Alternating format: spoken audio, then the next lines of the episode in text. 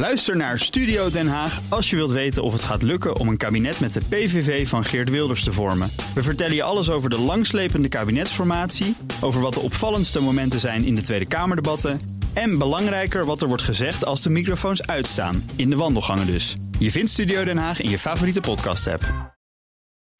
Postma in Amerika. Tijd voor het Amerikaanse nieuws door de ogen van onze correspondent in Washington, Jan Postma. Jan, de schietpartij op een school in Nashville zorgde voor ruzie in het congres. Ja, daar vielen in, totaal uh, in die school dus zeven doden, uh, drie kinderen. Dus een serieuze zaak. En dat was echt het belangrijkste nieuwsverhaal van deze week in de VS. Veel frustratie bij democraten die maar niet snappen dat republikeinen niet aan strengere wapenregels willen. En republikeinen die willen, uh, ja, die vinden juist wapens niet het probleem. En die zijn de andere kant op geïrriteerd. En er gebeurt dus uiteindelijk weer niks. En ja, dat werd echt emotioneel ook in de wandelgangen. De democraat Jamal Bauman hoor je zo het hardste schreeuwen. En de republikein Thomas Massey hoor je amper, uh, maar die is er ook. Uh, Bauman is een oud leraar, die wil strengere regels. En die Massey die poseerde voor zijn laatste kerstkaart met zijn hele familie... gewapend met vrij indrukwekkende AR-15's voor de kerstboom. En hij wil leraren bewapenen.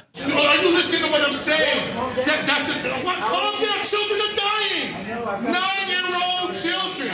The, the solution is not arming teachers. Have you ever worked in a school? Have you ever worked in a school? Have you ever worked in a school?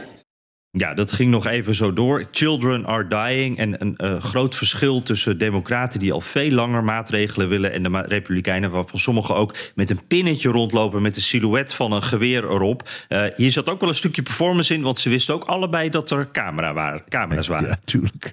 Uh, vorige week dinsdag, Jan, zou Trump gearresteerd worden. Dat had hij de zaterdag daarvoor al aangekondigd. Maar inmiddels weten we dat die zaak waarschijnlijk nog veel langer gaat duren.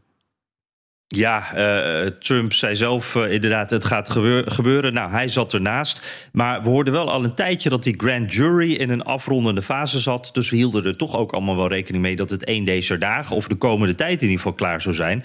Maar deze week gaat ze het er helemaal niet over hebben. En de Amerikaanse media melden nu dat er dan een pauze is die tot eind april duurt. Dus dan zijn we straks een maand verder. En Trump die zegt nu, ja, die grand jury, dat is eigenlijk helemaal zo slecht nog niet. Dit laat zien dat zij ook vinden dat ik niks verkeerd heb gedaan. Dus uh, eigenlijk is Trump helemaal gedraaid in een week. Die is van ik word gearresteerd gegaan naar ik ben dit aan het winnen. Maar ondertussen weet hij, uh, net als wij, nog steeds helemaal niet wat daar natuurlijk nou precies besloten maar wordt. Maar dan ook helemaal niks. De campagne begint nee. uh, op te warmen. wie voor de Santos heeft gewerkt, hoeft geen baan meer te verwachten bij Trump. Ja, dan ben je automatisch persona non grata voor Trumps campagne. En daarna ook in het Witte Huis mocht het zover komen. Dus uh, dat is duidelijk. Het is echt een beetje, ja, ik vind het bijna een maffia-achtige waarschuwing.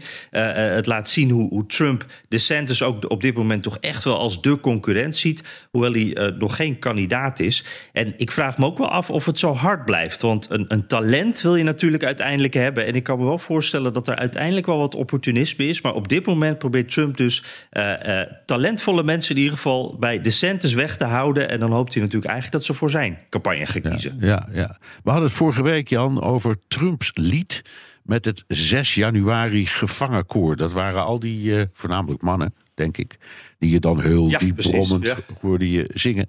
Uh, is hij daar nog steeds zo mee in zijn nopjes? Ja, ja, dat was een beetje onheilspellend lied inderdaad, hè, met die bromtonen. Uh, daar werd eigenlijk de bestorming van het kapitool tot iets heel moois en vaderlandslievends uh, gemaakt. En het haalde de nummer één plek in een van de hitlijsten hier in Amerika. Trump liet het ook horen tijdens zijn laatste rally dit weekend. En stond hij met zijn hand op zijn hart daarna te luisteren. En iedereen was muisstil. Hij is er echt heel trots op. En dat laat hij ook duidelijk merken. En dan merk je ook dat hij altijd lijstjes maakt. Want hij weet ook precies wie er achter hem staan in die hitlijst. Number two was Taylor Swift. And number three was Molly Cyrus. I was very honored. I said, maybe I'm the new Elvis. Ja, de nieuwe Elvis. En Democraten die grapten daar meteen al achteraan met... laat hem dan ook maar Jailhouse Rock doen. Ja, het is wel heel geestig trouwens. Uh, eerlijk is eerlijk. Uh, ik vraag me altijd af welke genieën dit soort teksten voor hem verzinnen. He, want hoe, hoe, kom je hier nou bij? Of komt dat gewoon uit zijn eigen bol? Wat denk je? Ik, ik denk echt dat dit, dit is... Hij klonk ook zo oprecht trots. En ja. uh, dit is ook een tekst die hij al op verschillende uh, plekken herhaalt in interviews. Volgens mij is dit echt hoe hij zich voelt. Ik ben de nieuwe Elvis. Het is me gelukt. Ja. En dat is natuurlijk een prachtig contrast met zijn grootste concurrent, die DeSantis, waar je het al eerder over had. Want die man hoor ik van alles roepen, maar niet dit soort dingen. En ook niet met eh, humor, eerlijk gezegd. Want dat heb ik bij die DeSantis nog niet gezien. Jij wel? Nee, nee, inderdaad. En dat is ook wel een puntje van kritiek. En, en deze week was sowieso een beetje de eerste kritiek op de te horen van ja, het is eigenlijk ook wel een beetje een saaie man. En waarom dringt hij nou niet echt door bij die kiezer? En, en, en gaat het in de peilingen ook niet al wat beter? Nou, dat is allemaal nog super vroeg natuurlijk, want de is officieel nog niet eens kandidaat en, en we hebben nog zo lang te gaan.